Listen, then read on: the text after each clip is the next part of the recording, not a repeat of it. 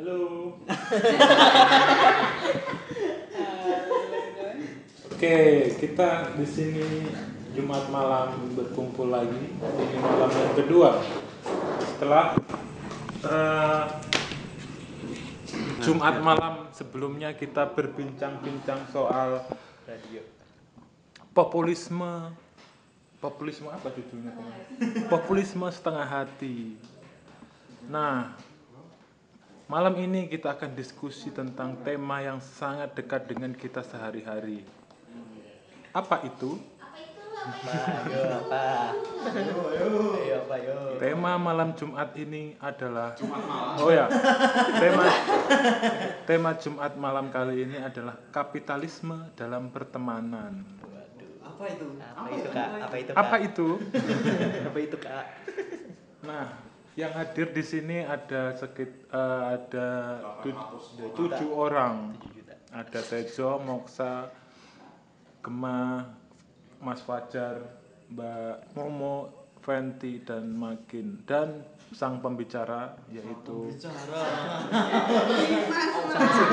Dimas Merapi. Kita akan ngobrol-ngobrol tentang kapitalisme dengan Mas Dimas Merapi, seorang santri, seorang DO mahasiswa FIB UGM. belum belum jadi DO Belum jadi DO. Masih Masih mahasiswa. Masih mahasiswa. masih mahasiswa. Oke, silakan Mas. Kita ngobrol-ngobrol 10 tahun Ngobrolnya bebas aja ini ya, nanti langsung disanggah-sanggah gitu nggak apa-apa. Kita bumbui dengan suara-suara aneh di dalam audio ini.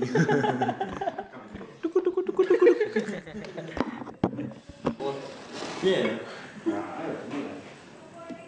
Apa ya sebenarnya kapitalis itu apa sih? Kapitalisme itu sendiri apa sih? Menurutmu apa kalau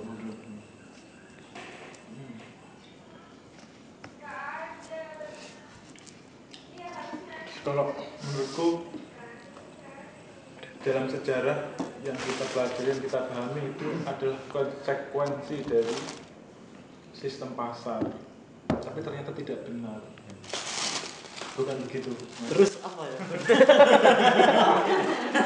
pembukaan pembukaan ini kan apa ya?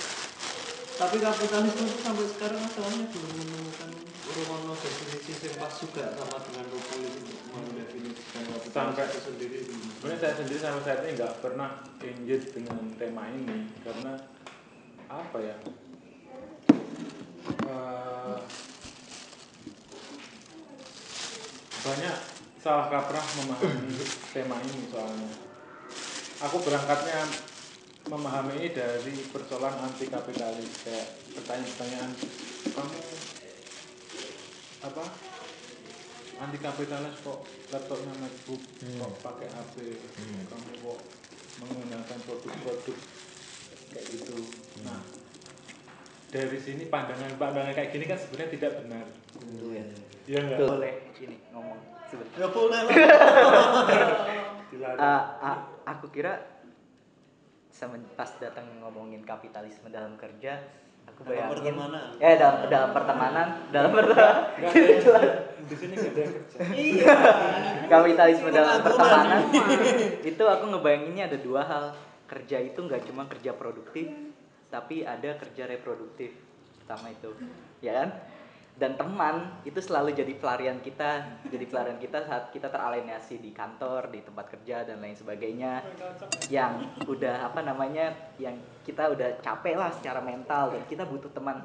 Dan di sini teman itu sebagai emotional labor kita emotional labor pekerja kita anggap sebagai pekerja yang yang secara reproduktif dia ngembaliin semangat kita kita bisa ketawa-ketawa bareng kita bisa mabuk-mabuk bareng dan akhirnya dia jadi apa namanya? Jadi semacam pelarian dari dari kerja-kerja yang bikin bodoh yang bikin yang yang mek- termekanisasi kayak gitu yang bikin kita eh, itu ya. Karena kapitalisme nggak pernah bisa membayar itu kerja-kerja reproduktif yang dihasilkan. Kayak kapitalisme kan nggak mau ngambil ngambil pusing.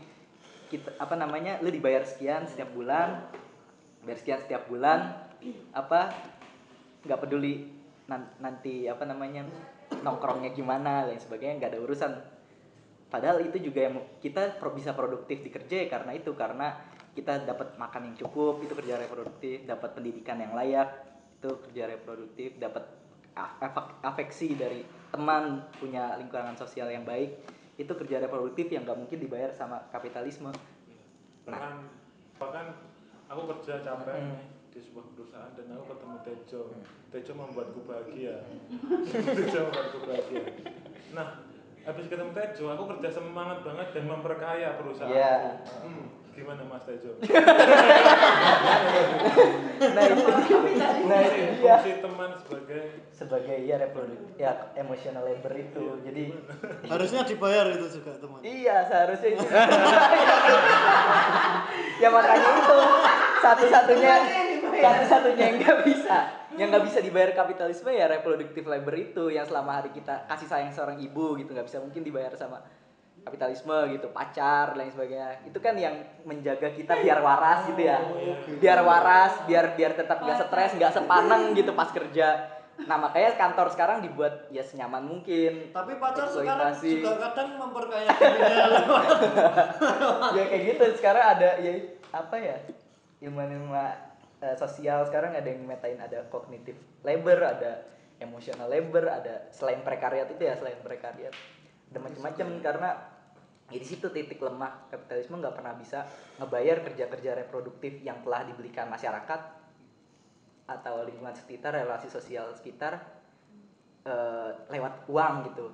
Makanya itu eh, sekarang itu tuntut- tuntutannya nggak hanya semacam upah rendah dan lain sebagainya tapi ada tuntutan untuk eh, memper apa ya memper memperluas lagi re- relasi apa merebut ruang-ruang reproduktif. Hmm, ruang-ruang reproduktif itu ternyata yang yang ternyata memang kita sustain gara-gara ruang reproduktif bukan gara-gara. Dan kita tahu kerja produktif untuk membiayai ruang-ruang eh membiayai kerja-kerja reproduktif kita. Kayak misalnya buat pendidikan anak buat buat kesehatan itu kan kerja reproduktif yang nggak dibayar sama kapitalisme kayak gitu. Buat buat nongkrong buat senang-senang. Ya kayak gitu. Buat diskusi kayak ya buat diskusi kayak gini punya privilege diskusi kayak gini. Tapi dari dari poinnya Mas Tejo ini kas, contoh kasusnya co-working space misalkan. Hmm. di situ dibuat senyaman mungkin ada pertemanan yang dekat mungkin di situ dikasih fitur seorang ibu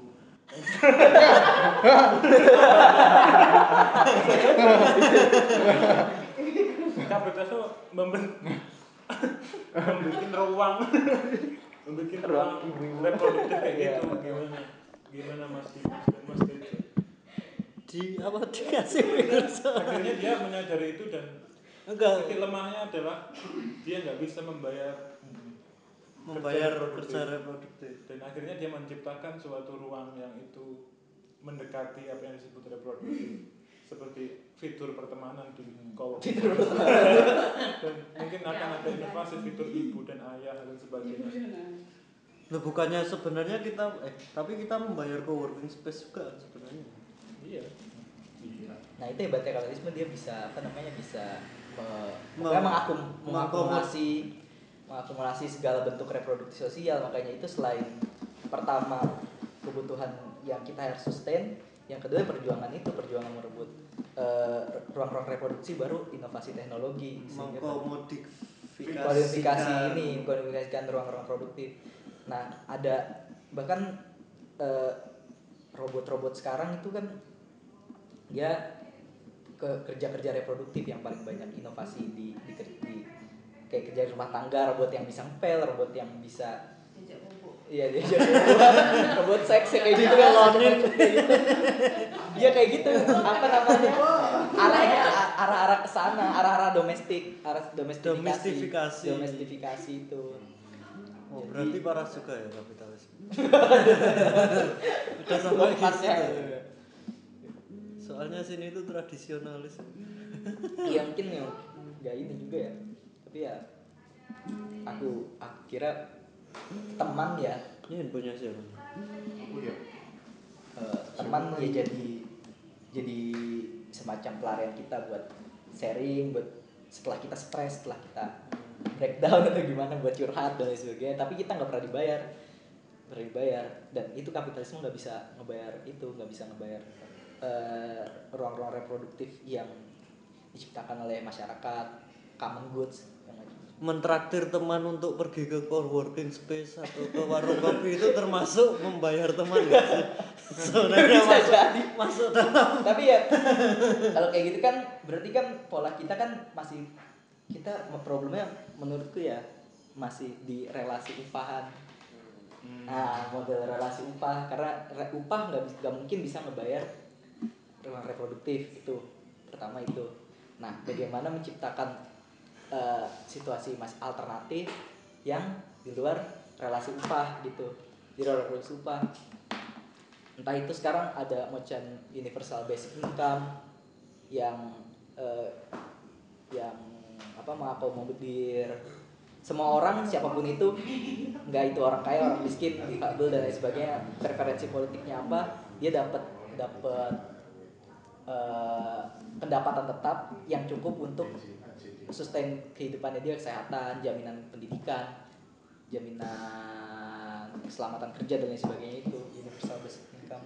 Tapi ya itu masih jadi perdebatan. Banyak negara-negara yang masih mencoba itu sebagai bahkan negara eh, welfare state aja masih masih tambal sulam lah istilahnya buat ngerumusin program universal basic income itu yang yang berkeadilan buat semua pihak welfare state itu apa tuh?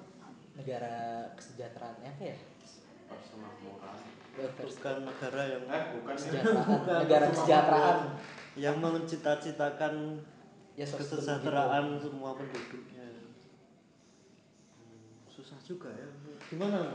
Aku jadi bingung ya. Eh, itu kan sebenarnya salah satu salah satu kelemahan kapitalisme bahwa eh, masyarakat yang berkelompok pada akhirnya jadi punya hidup individual gitu pada akhirnya. Karena memang semua terhitung semua dihitung semua diukur pakai upah upah di bulanan entah bulanan entah nanti dia dapat THR misalnya. Yang dulu THR dapat THR, dapat upah bulanan, gaji dan lain sebagainya. Bahkan eh, apa jam kerja pun sudah ditentukan sama perusahaan misalnya. Target pun juga sudah ditentukan. Nah itu kan sebenarnya kayak memotong memotong relasi kita di luar di luar relasi kita sama perusahaan gitu. Hmm, itu ya. tapi mungkin mungkin yang lucu sebenarnya apa sih yang ada di pikiran teman-teman soal kapitalisme dalam pertemanan itu soalnya Kan iya kalau aku tadi selalu berpikir imbasnya aja sih, nggak nggak nggak sedetail dia gitu. Cuma lebih ke imbas-imbas umum apa karena gengsi juga ternyata sekarang masalah gengsi lifestyle pun kita disetir oleh kapitalis ini, oleh pemodal-pemodal itu gitu. Walaupun benar sebenarnya berhubungan dengan omonganmu tadi yang apa yang misalnya robot-robot sekarang mulai penciptaan robot-robot yang urusan dengan domestik gitu-gitu kan. Itu juga sebenarnya kita sedang diarahkan ke arah situ kan misalnya. Ya saya tuh punya produk ini loh. aku membuat produk ini gimana produk ini bisa dipasarkan gitu gitu kan. Eh, akhirnya pride dan dan lifestyle orang-orang itu sendiri tuh pertemanan itu sendiri yang akhirnya digunakan oleh kapital ini untuk untuk selalu apa, membuat laku barang itu. Menurutku sih seperti itu. Tapi sebenarnya aku mungkin mengulang lagi nanti mungkin pernah dengar sama pertunjukan ini bang bang pasar rakyat yang di pentas di Beringharjo itu sebenarnya berangkat dari eh, disertasinya Pak Heru yang itu profesor di sosiologi kalau nggak salah sosiologi dia ngomongin soal eh, dia ngomongin soal uang piutang dan eh, satu lagi apa ya uang piutang dan apa gitu. Sebenarnya eh, masyarakat kapitalis pun nggak nggak selalu berangkat dari masyarakat modern. Tapi di ranah di ranah kehidupan pasar yang itu Jawa yang penelitiannya Pak Heru itu di Bantul itu sebenarnya juga menurutku menurut menurutku sepembacaanku atas disertasinya dia itu sangat kapital sekali gitu orang meminjam uang ke rentenir itu buat memperkaya projonya dia gitu. Misalnya dia beli TV dia memperbaiki eh, bangunan rumahnya dia atau memperkaya apa pun lah. Sing kui akhirnya dia dinilai sebagai seseorang yang punya. Jadi pride-nya dibangun dari pinjaman itu yang ya akhirnya relasinya dia juga juga dibangun dari situ. Dari bagaimana cara dia meminjam bagaimana cara dia make up. Kehidupan dunia dia secara material. Oh Jeffrey. Ya ya ya ya sebenarnya ya kalau menggunakan standar masyarakat modern sebenarnya nggak juga sih karena karena dalam tapi ya apa namanya menurutku benar ada ada ini sih ada pemak eh, nggak tahu sih ini mungkin bisa bisa dicoba untuk dipancing peluang-peluang pemahaman atas kapitalisme pertemanan. Jadi yang aku maksud itu tuh iya peluang karena si siapa namanya Tejo. Tejo ngomong kapitalisme seperti itu. Kemudian apa kalau si siapa Eh, Dimas menjelaskan seperti itu. Sebenarnya kan pemahaman kapitalisme akan pertemanan itu sendiri setiap orang berbeda gitu kan. Nah mungkin itu bisa sharing. Yang aku maksud eh, pemahamannya gitu. Paling enggak kita coba membedah apakah benar itu berkaitan dengan dengan hal-hal yang memang bisa diuntungkan secara material gitu.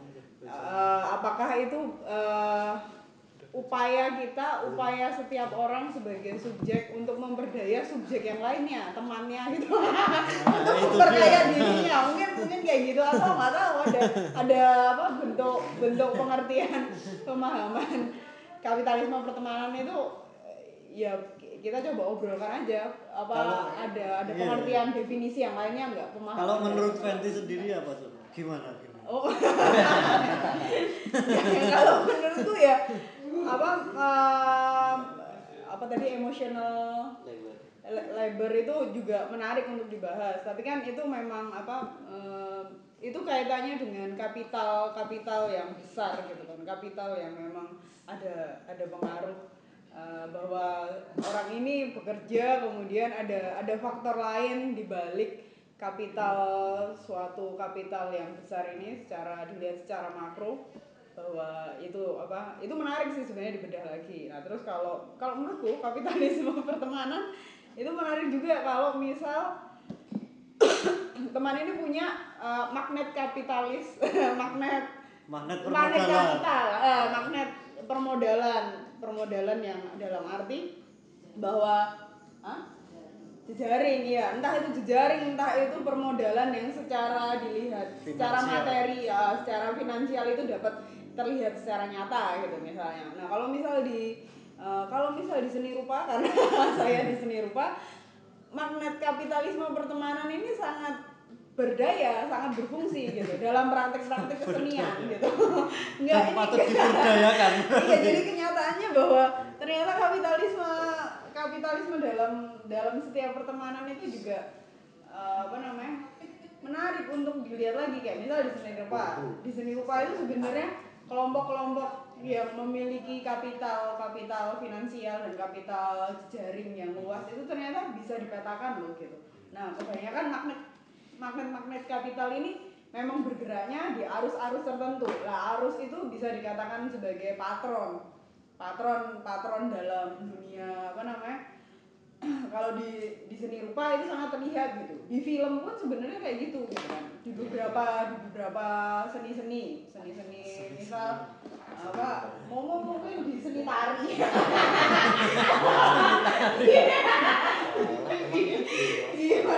Di seni teater Iya. nah itu mungkin bisa dilacak. Jadi menurutku kapital pertemanan itu dilihatnya secara secara itu garis-garis garis-garis yang sebenarnya eh, munculnya itu tidak hanya kapital yang keadaan makro, kapital ma- makro yang berdaya, apa kayak misal perusahaan, kamu kerja di perusahaan gajinya melelahkan kayak gitu. ya kan kayak gitu kan. Eh, ya mungkin enggak, ini tandingan, tandingan modal, modal apa namanya eh, kapitalisme pertemanan ya, yang itu tadi jejaring secara jejaring dan secara finansial kayak gitu misalnya. Terus membentuk patron, patron. Nah pa- patron itu sebenarnya bentuk kapital, bentuk kapitalisme yang sebenarnya lebih ini ya, lebih apa sih? Lebih bisa dirasakan, lebih dekat dirasakan oleh orang-orang yang berkecimpung di dunia seni mungkin mungkin loh ya. Jadi eh, kalau kalau kita kan kebanyakan pengangguran. Saya sih. Itu kan pengangguran nah terus eh, jadi Saya juga pengangguran ini. itu terasa patron-patronan itu terasa sangat sangat akrab gitu misalnya. Mungkin yang lainnya seni terapi ya atau seni gambar Hans, Hans. Hans, Hans, gimana Hans? Kamu belum ngomong dari tadi ini.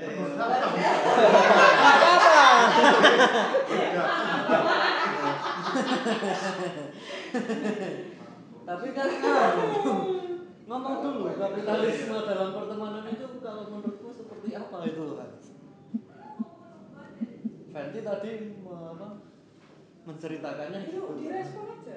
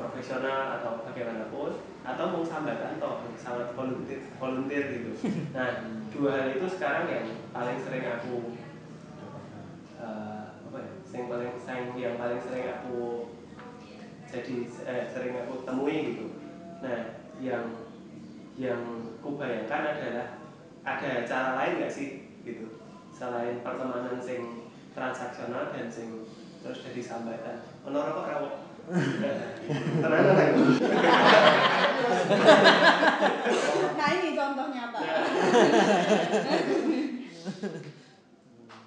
Gitu ya. Tadi Momo tadi kayaknya menyanggah enggak gitu ketika main iya seni tari. Enggak gimana? Eh, bukan enggak sih tapi sebenarnya pengen melihat lebih jauh dan melihat lanskap yang lebih luas maksudnya. Kalau misalnya Fendi punya pengalaman eh, jejaring jejaring modal dan jejaring pertemanan itu bergerak di bidang seni rupa gitu. Tapi sebenarnya eh, nggak nggak hanya di bidang seni rupa gitu. Bahkan dalam kehidupan kesehariannya pun ibu-ibu laundry itu juga mengalami hal yang begitu gitu. Kalau beberapa hari yang lalu aku membayangkan bahwa ibu laundry itu punya jurus jitu yang itu adalah lamis nah itu adalah cara dia untuk memperluas modal kapit modal jejaringnya dia gitu. Siapa yang datang melobi di tempat dia dilapis sedikit oh dari mana dan bagaimana nanti pada akhirnya dia juga akan melobi di sana langganan gitu. Oke itu adalah satu sumber sumber sumber eh, ekonominya dia gitu. Yang yo intinya saat ini eh, apa jejaring modal itu nggak nggak hanya di satu bidang aja tapi misalnya kayak kita ngumpul di sini ini sebenarnya kan kayak punya visi masing-masing gitu. Kayak punya punya apa ya punya bayangan masing-masing. Aku mau ngapain aku mau dapat apa aku mau eh, mau apa ya mau memperoleh apa gitu. Yang itu memang secara tidak langsung berhubungan sama modal gitu yang entah itu modal pengetahuan entah itu modal apa gitu oh. Tapi yang- pendidikanku juga begitu cuy berarti modal nggak harus selalu finansial Eh, ini berarti memang kapitalisme dalam pertemanan tuh kapitalnya nggak harus modal finansial, Ah. harus ekonomi. nggak ekonomi pun sebenarnya nggak harus uang juga kan Iya, Ya akses ya termasuk. distribusi. Distribusi. karena se- Tapi nek sing diharapkan ujung-ujungnya apa? ya sebenarnya ya karena sekarang semua lini kehidupan kayaknya membutuhkan uang gitu. Maksudnya coba Edi Edi Edi gimana ini Edi Kok itu loh, Menyikapi. Ya contoh itu. tapi kaosnya ada? Oh, iya. Nggak bisa. Enggak, soalnya kalau tadi harus bilang apa modal yang kayak itu voluntary gitu yang apa yang apa sambatan? Sambatan.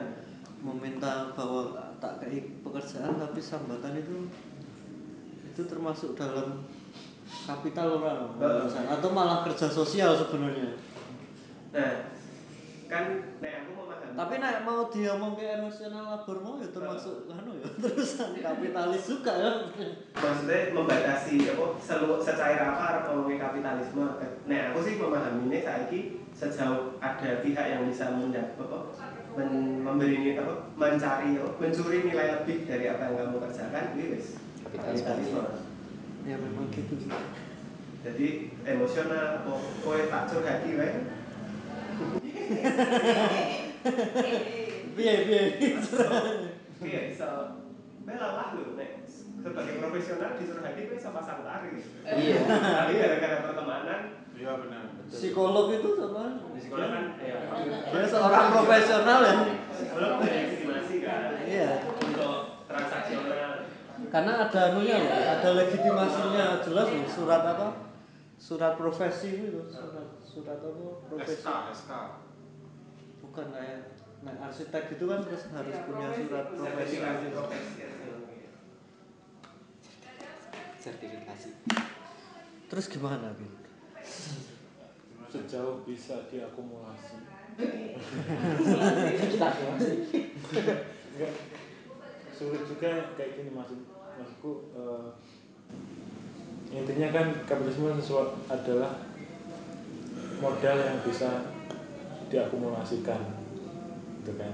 Misal modal intelektual pun itu bisa kalau bisa diakumulasikan itu ada duitnya.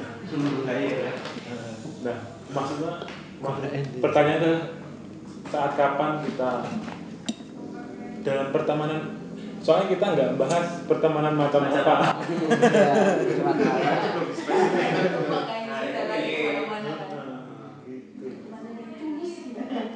Kapan kita mengak mengakumulus mengakumulasikan? Mengaku pertemanan. Pertemanan yang ide-idenya aku bisa aja deketin Han mencuri ide-idenya dan aku jual. Oh iya bisa. Bisa. Nggak deket bisa kursi Deketin dong. kayak gitu gimana Bung Han sebenarnya sebenarnya kalau hal semacam itu lazim terjadi di industri kreatif ya nah sebenarnya. Makanya ya pertemanan itu Kalau adalah industri kreatif pun kupikir maksudnya lumrah loh jadi nggak tahu ya menjadi lumrah bahwa bahwa lebih mau kita ada ada orang-orang tertentu yang apa ya mentalnya broker dan sebagainya jadi dia iso mencuri ya, kasarnya mencuri ya karena tanpa persetujuan kan biasanya Eh, apa sih nilai lebih teman-temannya untuk mendapat apa kau- ya keuntungan untuk diakumulasikan secara pribadi Kalau menurutku sih pertemanan itu ruang yang paling rentan. untuk itu kapitalisme Iya, paling rentan banget. jadi ya, ya. Oke.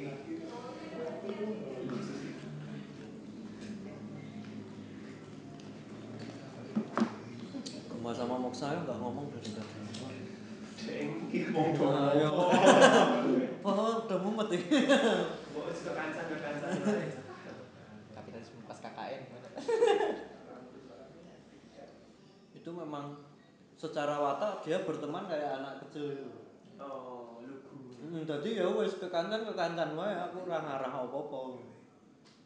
Cuma dalam kon- kondisi sekarang dalam oh, atmosfer sekarang pertemanan kita sekarang ini kita eh, sangat, oh, sangat sulit. Kita ini arep kekancan modal cah cilik. Gak cah cilik wes memanfaatkan kanca sing liyane aku nyileh pit mo pit kalau kalau itu karena apa ya normalisasi kompetisi yang sudah sudah apa namanya sudah kandung meresap di di apa namanya di masyarakat kita gitu. Jadi seolah-olah kalau kita ber- berteman tuh harus ya kompetitif terus gitu ada ada model kayak gitu jadi ada bahasa curilah idenya macam-macam. Padahal ya ada normalisasi itu loh yang kita selalu terdorong bahwa ada kompetisi ada ya apa persaingan persaingan kayak gitu.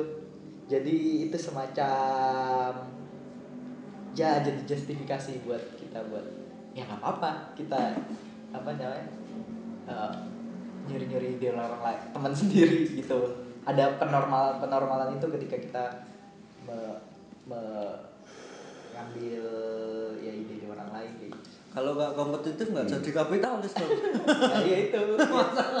Ya itu udah ternormalisasi. Iya lo kalau nggak nggak kompetitif kalau nggak kompetitif nggak ada kapitalis sebenarnya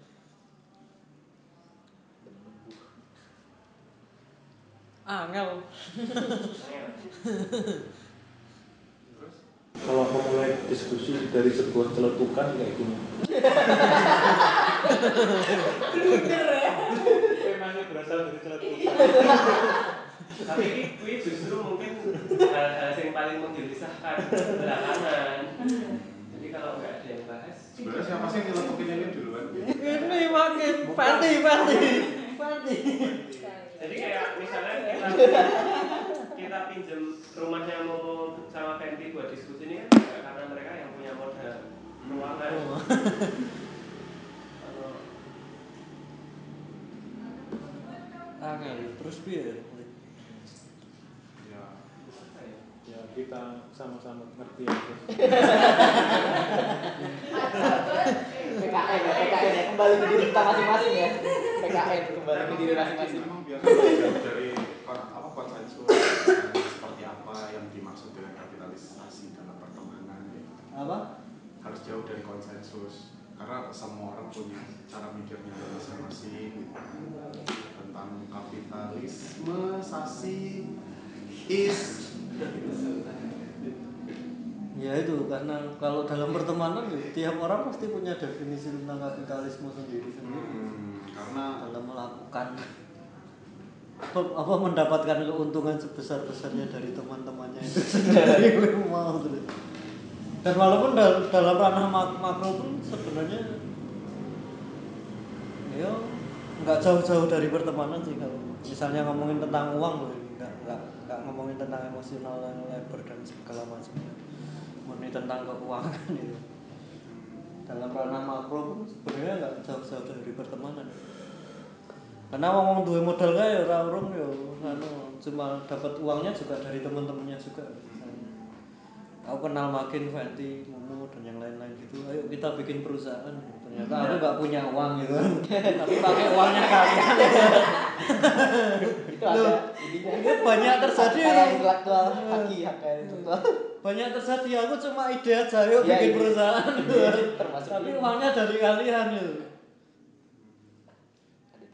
dan itu di di ranah ekonomi makro banyak terjadi seperti itu. Misalnya aku bikin perusahaan dulu tapi butuh apa sumbangan dana itu dia nggak nggak semena-mena cari investor kayak yang kita bayarin apa datang ke orang satu ke yang lainnya tapi enggak mulai dari link temen yang satunya kamu punya kenalan yang kira-kira fokus di properti enggak Loh, aku dikenalin gitu gitu misalnya. Jadi memang bener ya bahaya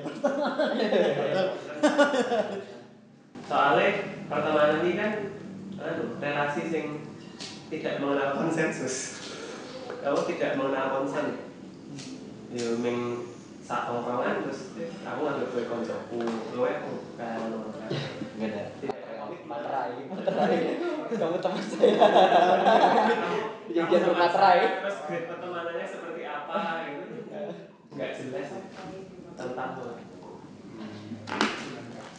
nah aku malah ini justru yang menurutku menarik eh, untuk relasi yang rentan ini selain kan eh, misalnya di luar sana selain kapitalisme ada model-model apa sih? Model-model apa ya, ekonomi, yang lain.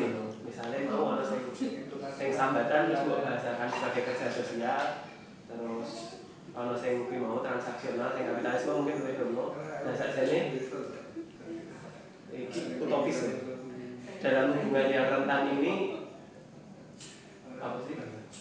Konsep yang kira-kira luwih pak kan katanya ra lucu juga ya kok oh, pertemanan berbasis kooperasi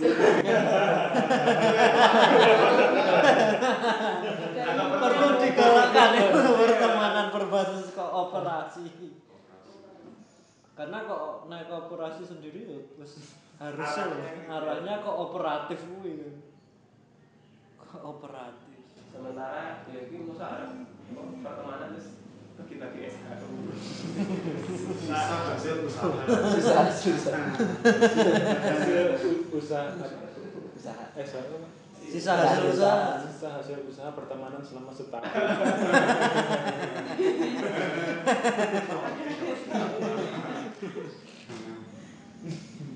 Atau mungkin yang paling double pertemanan syariah waduh aduh aduh ini Iya. Kan? Keren. kuwi lawan kapitalisme juga kuwi. Iya. Cuma gak pakai riba. Keuntungan. tapi aku rasa nggak ada pertemanan yang nggak tanpa keuntungan. Lah ya kuwi Tapi masalahnya ya itu mas kalau misalnya kita nggak bisa benar-benar lepas dari relasi sosial itu loh re- relasi pertemanan itu. Sopo sing eh, wong sing apa betah gitu. Sebulan apa namanya ketemu wong. Pasti eh, otak kita sendiri juga eh, stres gitu.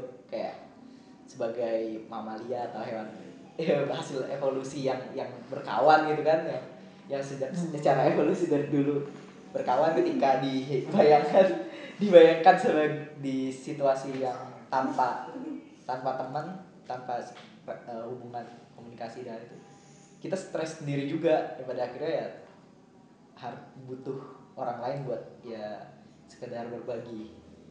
Iya wes ki perkara kebutuhan untuk berteman. Kamu gawe anu menciptakan ini nih kooperasi. Dia butuh kan? Dia butuh aku menciptakan jasanya ya, aku mau berteman dengan salah. Ya kan ada yang kayak gitu sekarang pacar-pacar bayaran gitu-gitu. Iya sih. Iya toh? Cina dan Heeh. Jepang. Pacar bayaran.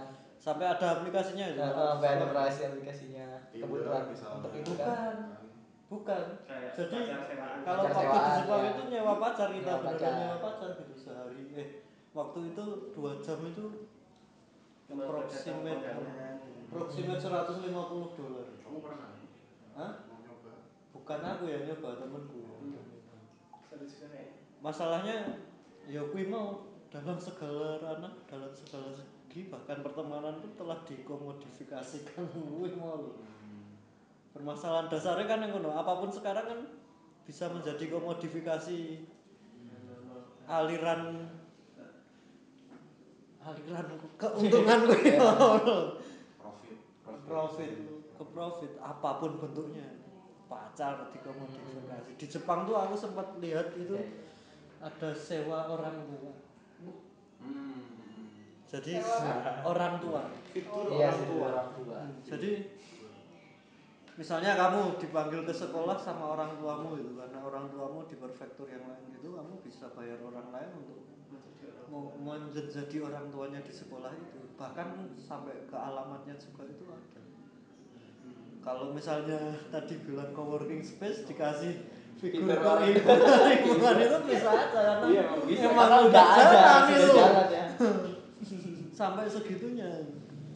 Tapi ya gitu sih. Tapi kalau misalnya tadi kamu bilang soal apa kita butuh teman untuk sharing eh, kecenderungan di dunia ini nggak tahu ya aku sana.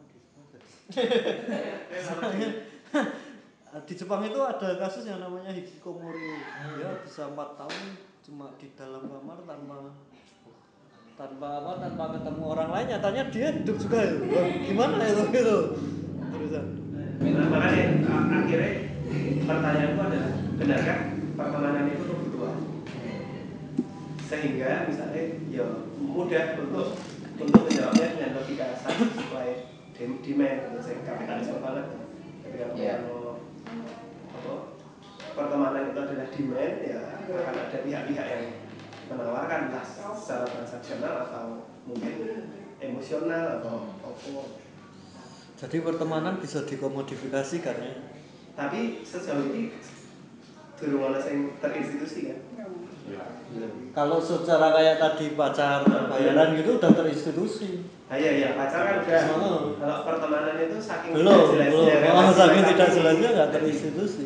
Harap kalau pertemanan terinstitusi ya ya wis bubar tenanan tuh.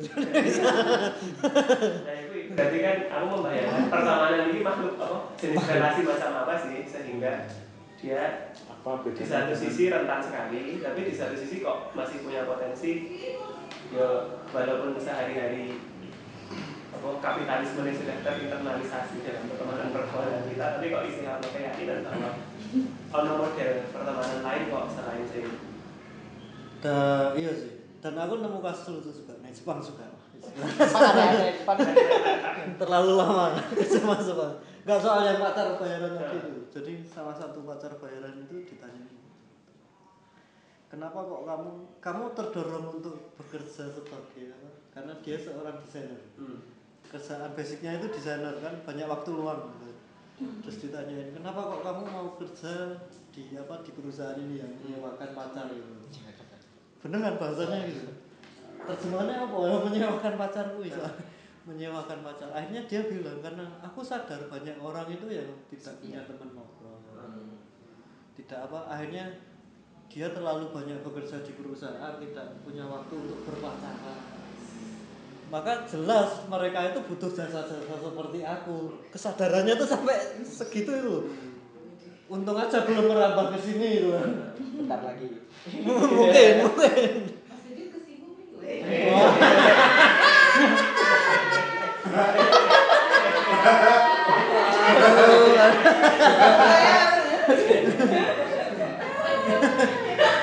beneran itu ada beneran ketika dia ditanyain sampai jawabannya seperti itu. Saya menyadari bahwa di sini di Jepang itu banyak orang yang tidak mempunyai akses waktu untuk berpacaran atau mempunyai pacar. Itu makanya aku berusaha untuk me- mengakomodir kebutuhan mereka dengan kerja di perusahaan ini. Bukan bukan karena dia butuh duit ternyata itu.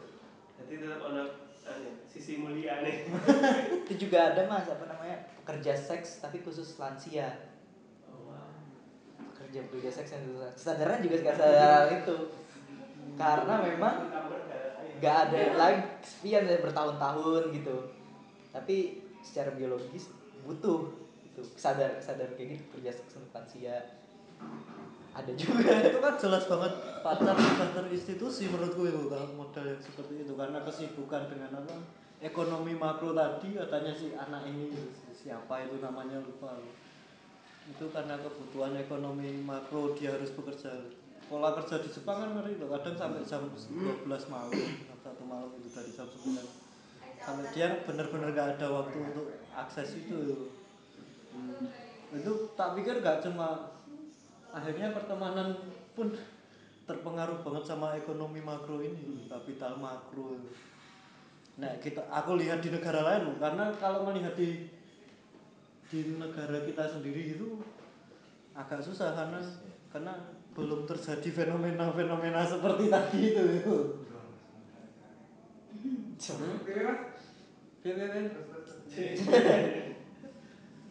gitu. Dan di Cina pun gitu. Kalau di Cina aku lihat itu ceritanya cerita temanku katanya kalau mereka benar-benar pekerja pekerja yang di bidang-bidang tadi itu pinjam pacar pinjam teman gitu-gitu kayak aplikasi itu kalau mereka benar-benar cari uang tambahan untuk lifestyle beberapa orang ditanyain jawabannya itu aku butuh beli tas butuh beli sepatu gitu. sedangkan upah kerja di Cina tidak terlalu tinggi jadi aku manfaatkan waktu luangku aja untuk kerja di sini Kalau itu di luar negeri, kalau di konteks Indonesia kayak gimana? nah itu aku belum nemu kasusnya masalahnya Kayak misalnya jasa eh, sewa pacar untuk wisuda misalnya. nah iya itu udah mulai ada udah mulai ada iya eh, pendamping mulai ada ya itu mulai ada Oh, seriusan ya? seriusan itu mulai ada itu udah udah ada. udah ada Udah pernah ketemu orangnya atau gimana? Atau pernah melakukan sendiri misalnya? Loh, saya belum dulu atau sebagai pelaku ya. Pelaku. pelaku bisnisnya kayaknya udah di nggak tahu ya ini guyon apa enggak di BC BCan itu di Apa itu BC? eh, broadcast broadcast Oh. broadcast broadcastan Enggak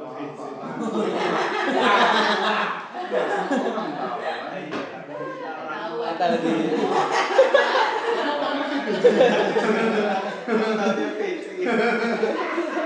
pakai S. Jadi BC-nya isinya apa? ya itu istilah istilahnya itu tawaran-tawaran untuk foto apa foto dengan orang tua gitu macam-macam kayak gitu ada tarif-tarifnya terus foto wisuda kayak gitu kayak gitu kita sebagai uh, penyewa jasa itu kita akan membayar dia. ya Uh, bukan dia yang bayar kita gitu.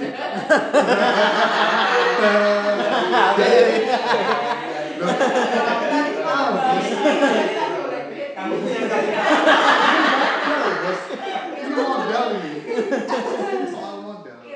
Jadi yang yang, yang butuh jasa yang butuh jasa itu kayak gitu Yang putus siapa sih? Siapa tahu mereka sendirian gitu kan. Aku malah menyewakan jasa eh mereka misalnya ngebuka jasa aku sudah nih. Oh, enggak jadi pendampingku siapa tahu gitu. Tapi yang bayar mereka. Enak ya enak ya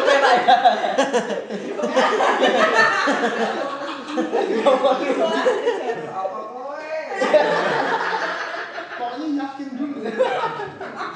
Urusan gak jadi kan nanti.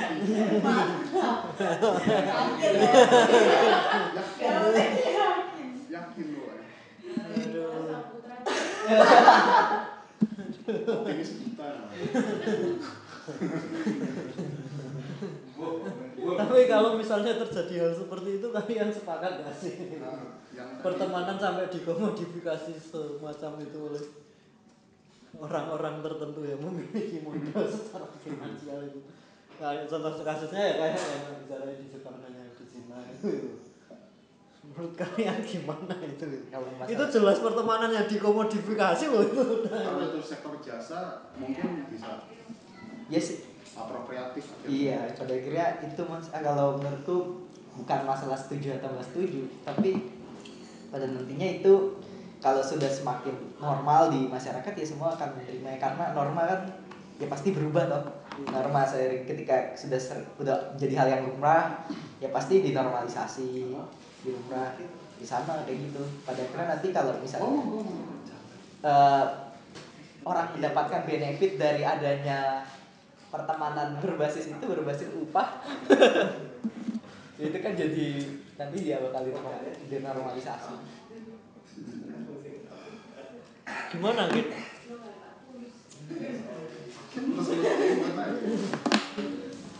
bahkan kita ber- berbicara soal teman itu setelah diskusi ini tidak bisa lepas dari eh, dari persoalan nilai lebih kerja upah gitu gitu loh. Padahal kan sebenarnya kita kalau ngomong teman kan bebas saja tapi pertanyaan selanjutnya adalah apakah rasa temenan ya temenan aja? Apakah cukup? Jadi apa? enggak. Enggak. Maksudnya cukup? Cukup. Maksudnya apakah cukup untuk tidak membuatmu berpikir bahwa ketika membicarakan teman selalu ada urusan yang lebih dari itu ya soal tadi selalu dikaitkan dengan upah, duit, nilai gitu ini menurutku Kalau dilepaskan dari nilai kayaknya nggak bisa. nah berarti kamu yang kejebak sebenarnya Enggak, nilai itu enggak. Enggak, iya kok iya. Loh, enggak loh, nilai itu jangan bayangkan nilai dalam bentuk bentuk apa? material itu loh. Ya, Kalau nilai- dalam bentuk itu ya iso wae. Cuma nilai-nilai dalam bentuk lain dalam pertemanan jelas gak bisa dilepaskan. Iya, iya. Tapi coba kamu eksperimen dalam satu bulan. Sing gede, woi sing kok kene.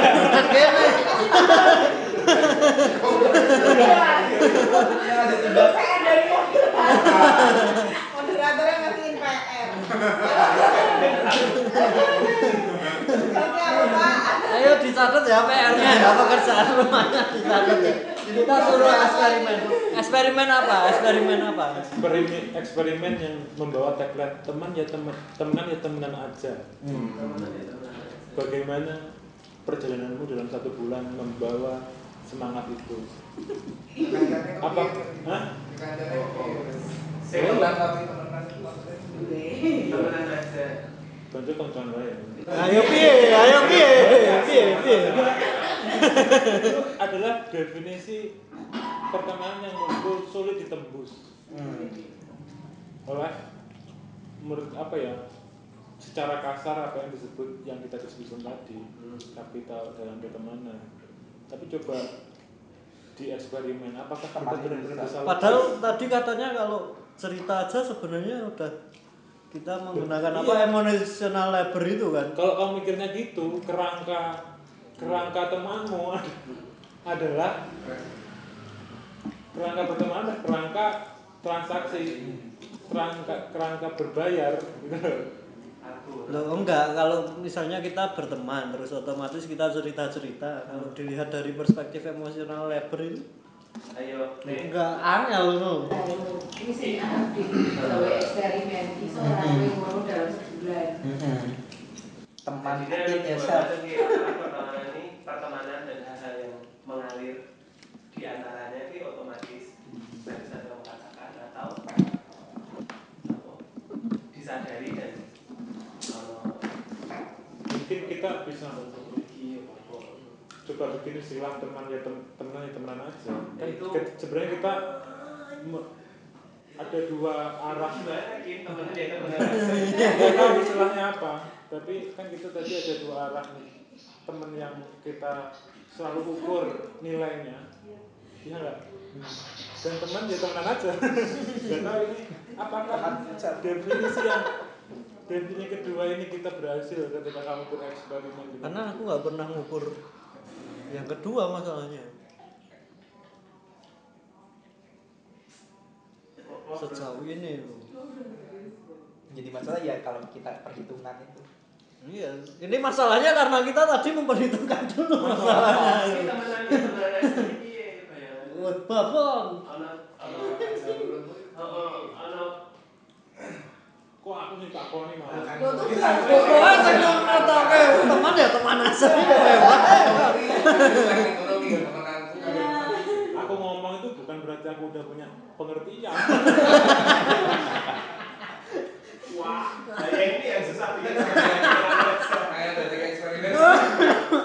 sosial eksperimen. Wah, susah ya. kayak contoh nggak tahu ini apakah definisi yang tepat bang aku ketemu kalian misalkan sebelumnya sebelum ini loh. Aku kan cuma datang ketawa ketawa. Itu bisa disebut temenan ya temenan aja.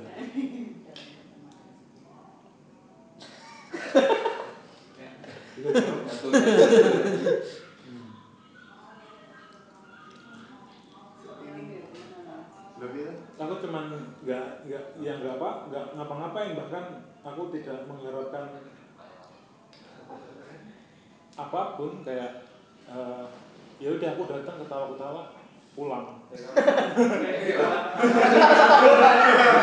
Ketawa doang. Terus kamu ngapain? itu enggak itu apakah te- tepat menggambarkan istilah temenan ya temenan aja Ya iya ketika nggak di Tapi sampai itu ekspektasi bahwa temanmu akan bikin kamu tertawa. Ayo, gue piye gue? Gue wes emosional labor juga loh gue bisa. Kebutuhan, soal kebutuhan, logika kebutuhan, misalnya. Ekspektasi. masalahnya adalah mengukur iya kan mengakumulasi mau mau aku Lu kapitalisme itu ada ukurannya coy. Nah, ya yang yang kamu bayangkan, yang kamu bayangkan di- tanpa seperti itu, apa misalnya pengalaman sehari-hari ini pada ngopo. Soalnya eh, berteman ini misalnya dalam keseharian ini bahkan kita bisa mengklasifikasi teman sejauh mana orang yang sering kita temui ini bahkan bisa kita sebut teman. tapi setidaknya yang aku ucapkan yang aku gambarkan tadi. Yang aku gambarkan tadi adalah bukan dalam pengertian tidak apa ya tidak bisa didefinisikan sebagai kapital gitu iya nggak iya poin kan di itu situ nggak bisa dibayar. Kapitalisme ya reproduktif itu. Pengalamannya yang mana ya? enggak enggak enggak usah dibatasi dan enggak usah dihitung dialami aja Nah, ya kan? aku pengalaman juga.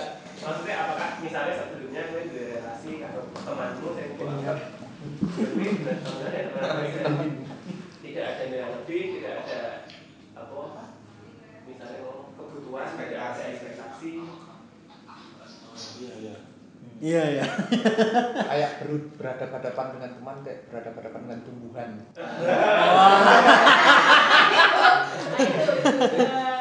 Bisa nggak? Bisa nggak? Gimana itu? selama ini kita bertemu Aku berhadapan-hadapan sama tembok kok kalau ketemu kamu.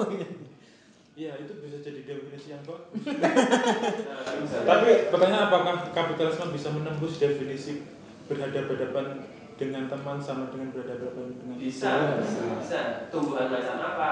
Tumbuhan Oh iya. susah, susah. Kalau kapitalisme aku Kandung kapitalisme. Tadi teman yang sebagai modal apa? Pekerja Emosional labor dan segala macamnya. kerja repro, reproduktif aja udah dibentuk ya. Apalagi tujuan yang apa? Solusi yang tepat adalah kita nggak bikin apa-apa. iya. Tidak ngapa-ngapain itu. awalnya yang kalau kayak teman reproduktif yang akhirnya bikin co-working space terus definisinya moksa teman menghadapi teman yang seperti tumbuhan bisa juga dikapitalisasi. Solusinya kita nggak berbuat apa-apa. Enggak ngapa tapi itu justru karena ini susah didefinisikan dan sayang banget justru di situlah potensinya untuk menghindar dari kooptasi kapitalisme. Ngeri. Apa kuwi aku radong. Lah, soalnya kayaknya ra iso Ini warning ternyata. Tema ini Kekancan kan ra iso dijegal bulute. Nah, kuwi kuwi justru karena dia selicin itu punya kemungkinan selamat. Ini berteman sama belut aja. Licin. ya licin. itu salah satu definisi yang menarik yang kita temukan malam ini gimana tuh definisinya? teman selicin mungkin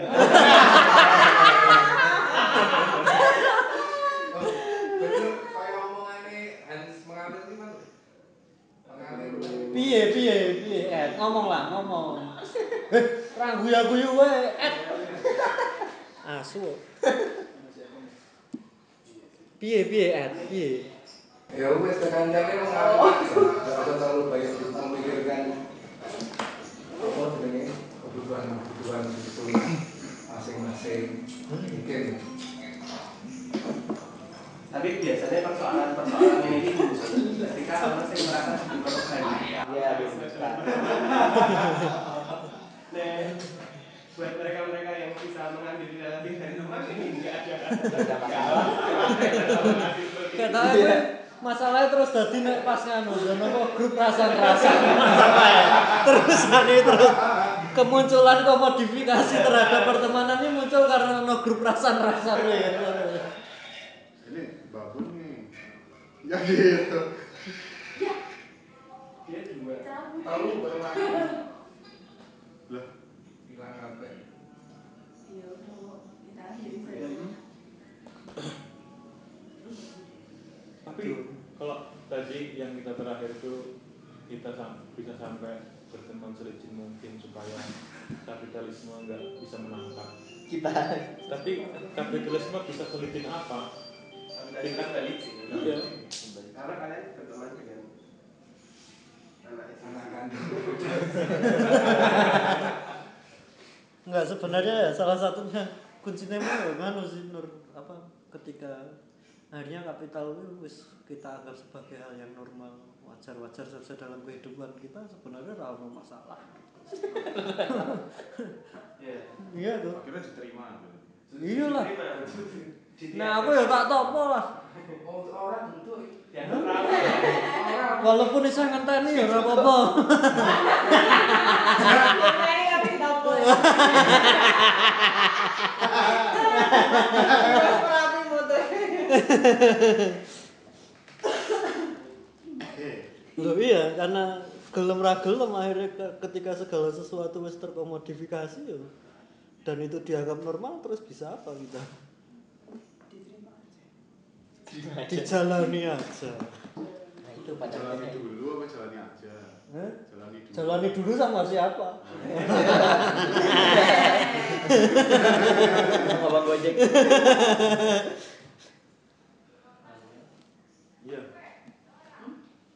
Dijalani aja juga bukan kesimpulan yang baik. ada porsinya nggak sih? Hah? Ada porsinya apa? Nih? pertemanan itu bisa disebut sebagai pertemanan yang salah. Batasannya. Gak bisa kalau bikin batasan-batasan. Su- Susah. Nek dibatasi ra sida kancane aku pacar nek dibatasi.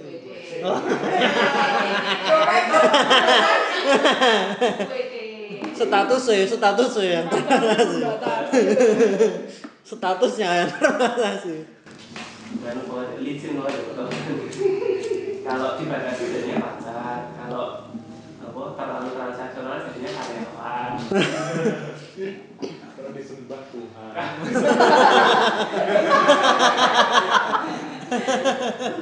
kalau di kawan-kawan terus kok batur Nek dikongkon-kongkon budak.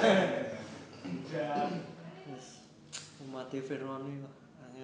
Tapi dalam sehari-hari kan sebenarnya kita nggak mikir ini. Karena karena kita diskusi. Berarti normal dong berarti. atau jangan-jangan pertemanan ini jenis relasi yang berbahaya untuk semuanya ya Jangan-jangan kita emang udah sesama licin. Sama-sama licin. kita itu meminjam meminjam kata teman itu hanya untuk menutupi semua motif-motif busuk kita. Berrelasi dengan orang lain. Yo, ya kan ada di konco apa lah ya nggak selalu seperti itu sih sebenarnya. Tapi kalau udah masuk dunia kerja apa lagi. sih dunia kerja sih iya nyata kayak gini yang kita diskusikan nggak tahu kalau yang kuliah atau apa Nah itu kayak misalnya jualan jasa harga teman itu gimana? Iya ya. Lagi ini tuh. ditabuk dulu Mabuk. Gimana itu? Gimana mu? Gimana? Harga teman itu? Harga teman dong gitu. sebagai eh, kasih memegang konsep Iya.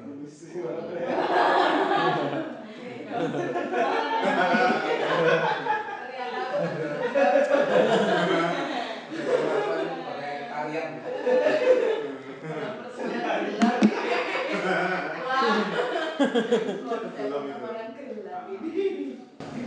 harga teman dong misalnya beli apa gitu.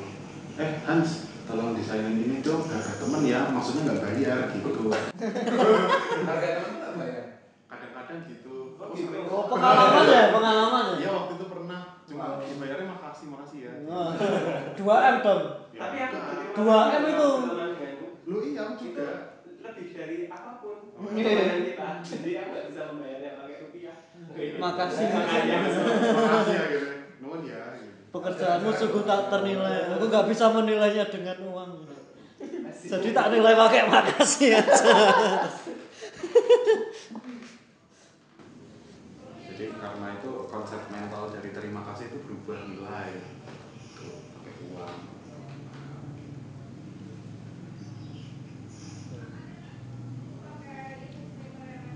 Tapi kalau di desa-desa itu enggak. Ya, kalau menurutku itu memang sih eh, apa jenenge pengurangan beban sosial akhirnya kita harus pakai benda atau pakai uang. Nah, dulu kan kita pakai sikap mungkin cara kasih. Oh, sikap harus punya sikap. sikap. sikap. Habis suruh nyangkut sawah. siap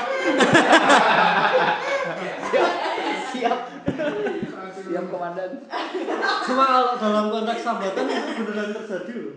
Nek di desa-desa misalnya gotong ke omah loh. Tapi itu kan dalam kerangka gotong royong. Beda. Tapi kui ya akumulatif bikin suatu saat ketika orang ini butuh ya dia berharap lain. Iya.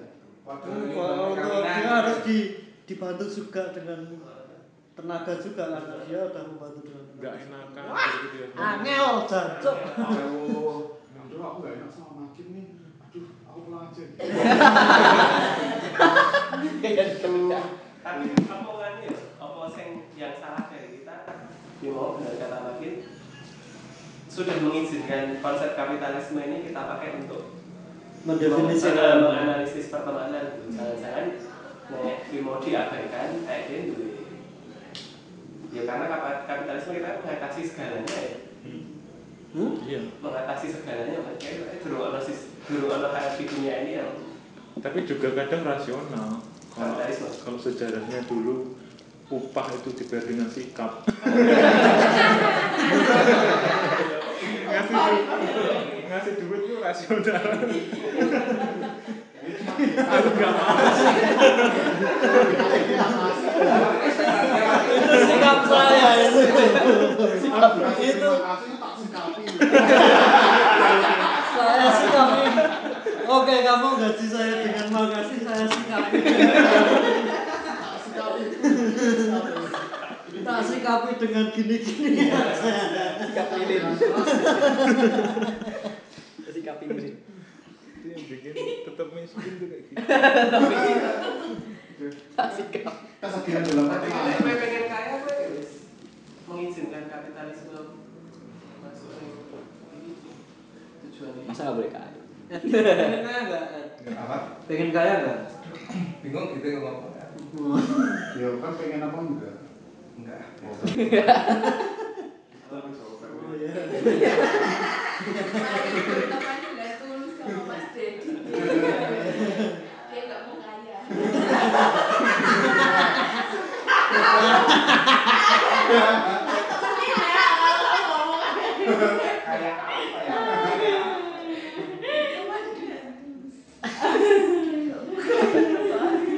berarti disikapi orang loh Orang-orang udah kaya.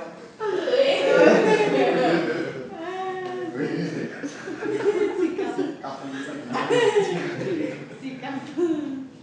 sikapi pertemanan pertemanan jadi salah nggak sih kita membahas kapitalisme enggak ada salah salah benar karena akhirnya kita tahu cara mengukur teman dan itu Tapi lama-lama capek sendiri kok Pak. Nanti lama-lama luwe. aboh asu juga Sikap. sikap Tapi misalkan kita mulai berteman dengan benar nih. Kamu ini kan mau dijelasin ini bentar bentar ini mau dijelasin gimana gimana misal aku tahu kamu kerja bikin film gitu. Aku mau order ke kamu dengan ku bayar sesuai bayaran profesionalmu. Tapi akhirnya apakah pertemanan akan berfungsi dengan baik setelah itu? fungsi ya berfungsi berfungsi aja Fungsi loh. Itu itu paling rentan menurutku. Aku tahu kamu itu terus nah masalahnya kalau kamu bayar aku nggak full sesuai perjanjiannya itu terus rentan jadi Iya, itu kan masalahnya selalu dibenturkan dengan pertanyaan-pertanyaan kayak gitu. Dan itu selalu terjadi. maksudnya ini bab bayaran atau bab garapannya ya saya Bayaran, aku gaji kamu Garapannya sesuai. enggak paling pola transaksinya jadi tadinya teman terus ketika ini jadi klien kan relasinya itu relasi berubah apa tetap ya relasi berubah kalau sebagai profesional Oh, iya. harusnya tetap berubah. Tapi kan itu susah kenyataannya. Makanya kayak gitu kan dalam pengertian yang lain disebut sebagai rekan Ya, dalam kapital juga ada dalam kapital makro itu rekan bisnis juga ada maksudnya itu pertemanan berubah jadi kata rekan itu Hmm. yang konotasinya lebih holding Iya, iya. holding kapital Ya sejauh relasi ini terus orang satu ragu ketika profesi ya. profesi teman ya teman Itu kesadaran kayak gitu ya ada. Gitu ya. Ada kadang-kadang. karena misalnya karena hak teman jadi mundur-mundur ininya deadline-nya UBM. Nah itu yang nggak profesional itu. profesional itu Maksudnya kalau memang sudah menyepakati dengan profesional ya ekspektasi pem- pemberi kerja atau sing pekerjanya ya gitu ya. Cocok lah. Setara Tapi kan tahu melakukan nggak sih? Apa? Karena diberi pekerjaan kalau temanmu dibayar secara profesional, tapi ternyata malah nggak membuatmu nyaman dalam mengerjakannya. Enggak, aku malah seneng lah. Soalnya aku ya terbantu dengan teman-teman yang bisa menghargai secara profesional dan tidak mengganggu pertemanan. Maksudnya obrolan-obrolan obrolan-obrolan sebagai teman itu pasti Iya. mengambil waktu di luar Di luar pekerjaan, di luar ya. pekerjaan. Tapi kan banyak orang yang nggak bisa menempatkan gitu ya. Tahu ibadah sih. sikap Kita kasih rekaman. kalau teman-teman mau tapi ada juga tuh yang begitu tetap berteman tetap temenan meskipun kerjaannya ambiar ya tetap aja. oh, ini tetap ngomongin kalau kerjaannya tetap diomongin kerjaannya ambiar Sopo sih? Relasi pemberi kerja Iya. pekerjaannya yang rusak Motif kerjanya bukan berdasarkan Iya, ah, kalau yang motif kerjanya berdasarkan teman itu loh yang agak bisa jadi kasus juga ya kalau sebagai profesional. Tapi Dewi membayangkan profesional Terus angel juga karena adep-adepannya orang karo wit welut kuwi mau wis. Berhadapan-hadapannya udah nggak dengan pohon ya saya. Udah. Atau batu. Berhubung belum semakin sulit kita harus segera akhiri. kita udah berapa jam? Berapa? Dari Satu setengah jam. Ini buat podcast. Iya, buat podcast. Kau Berbicara dengan tanpa arah. Utamanya itu. Pak terakhir Jadi gimana? Kesimpulannya gimana? Ya. Mandala. Bentar, bentar kita dengarkan kesimpulan dulu. kita udah menemukan definisi-definisi terkait kapitalisme kerja dan teman pertemanan yang pertama tadi ada dari Tijo. Eh, kerja teman itu berfungsi sebagai emotional labor. Atau kerja apa? reproduktif. kerja reproduktif yang itu sebenarnya susah ditembus oleh sistem kapitalis.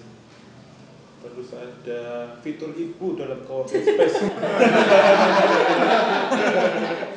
Tidak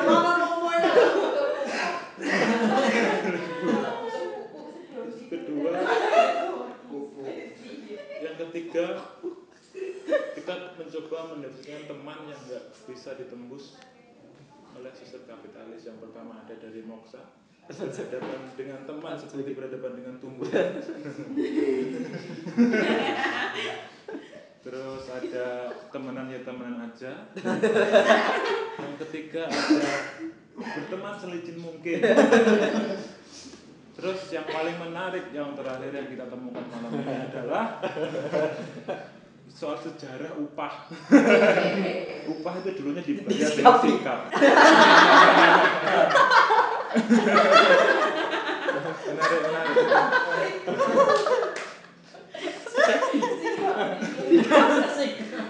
Semoga Kuda kuda, kuda kuda. Kalau nggak disikapi disikap. Sikati. Semoga obrolan kita malam ini didengar oleh kapitalis dan runtuh, Dan kro- kroni- runtuh kepercayaannya. Oke. Selamat malam sampai jumpa minggu depan. Tepuk tangan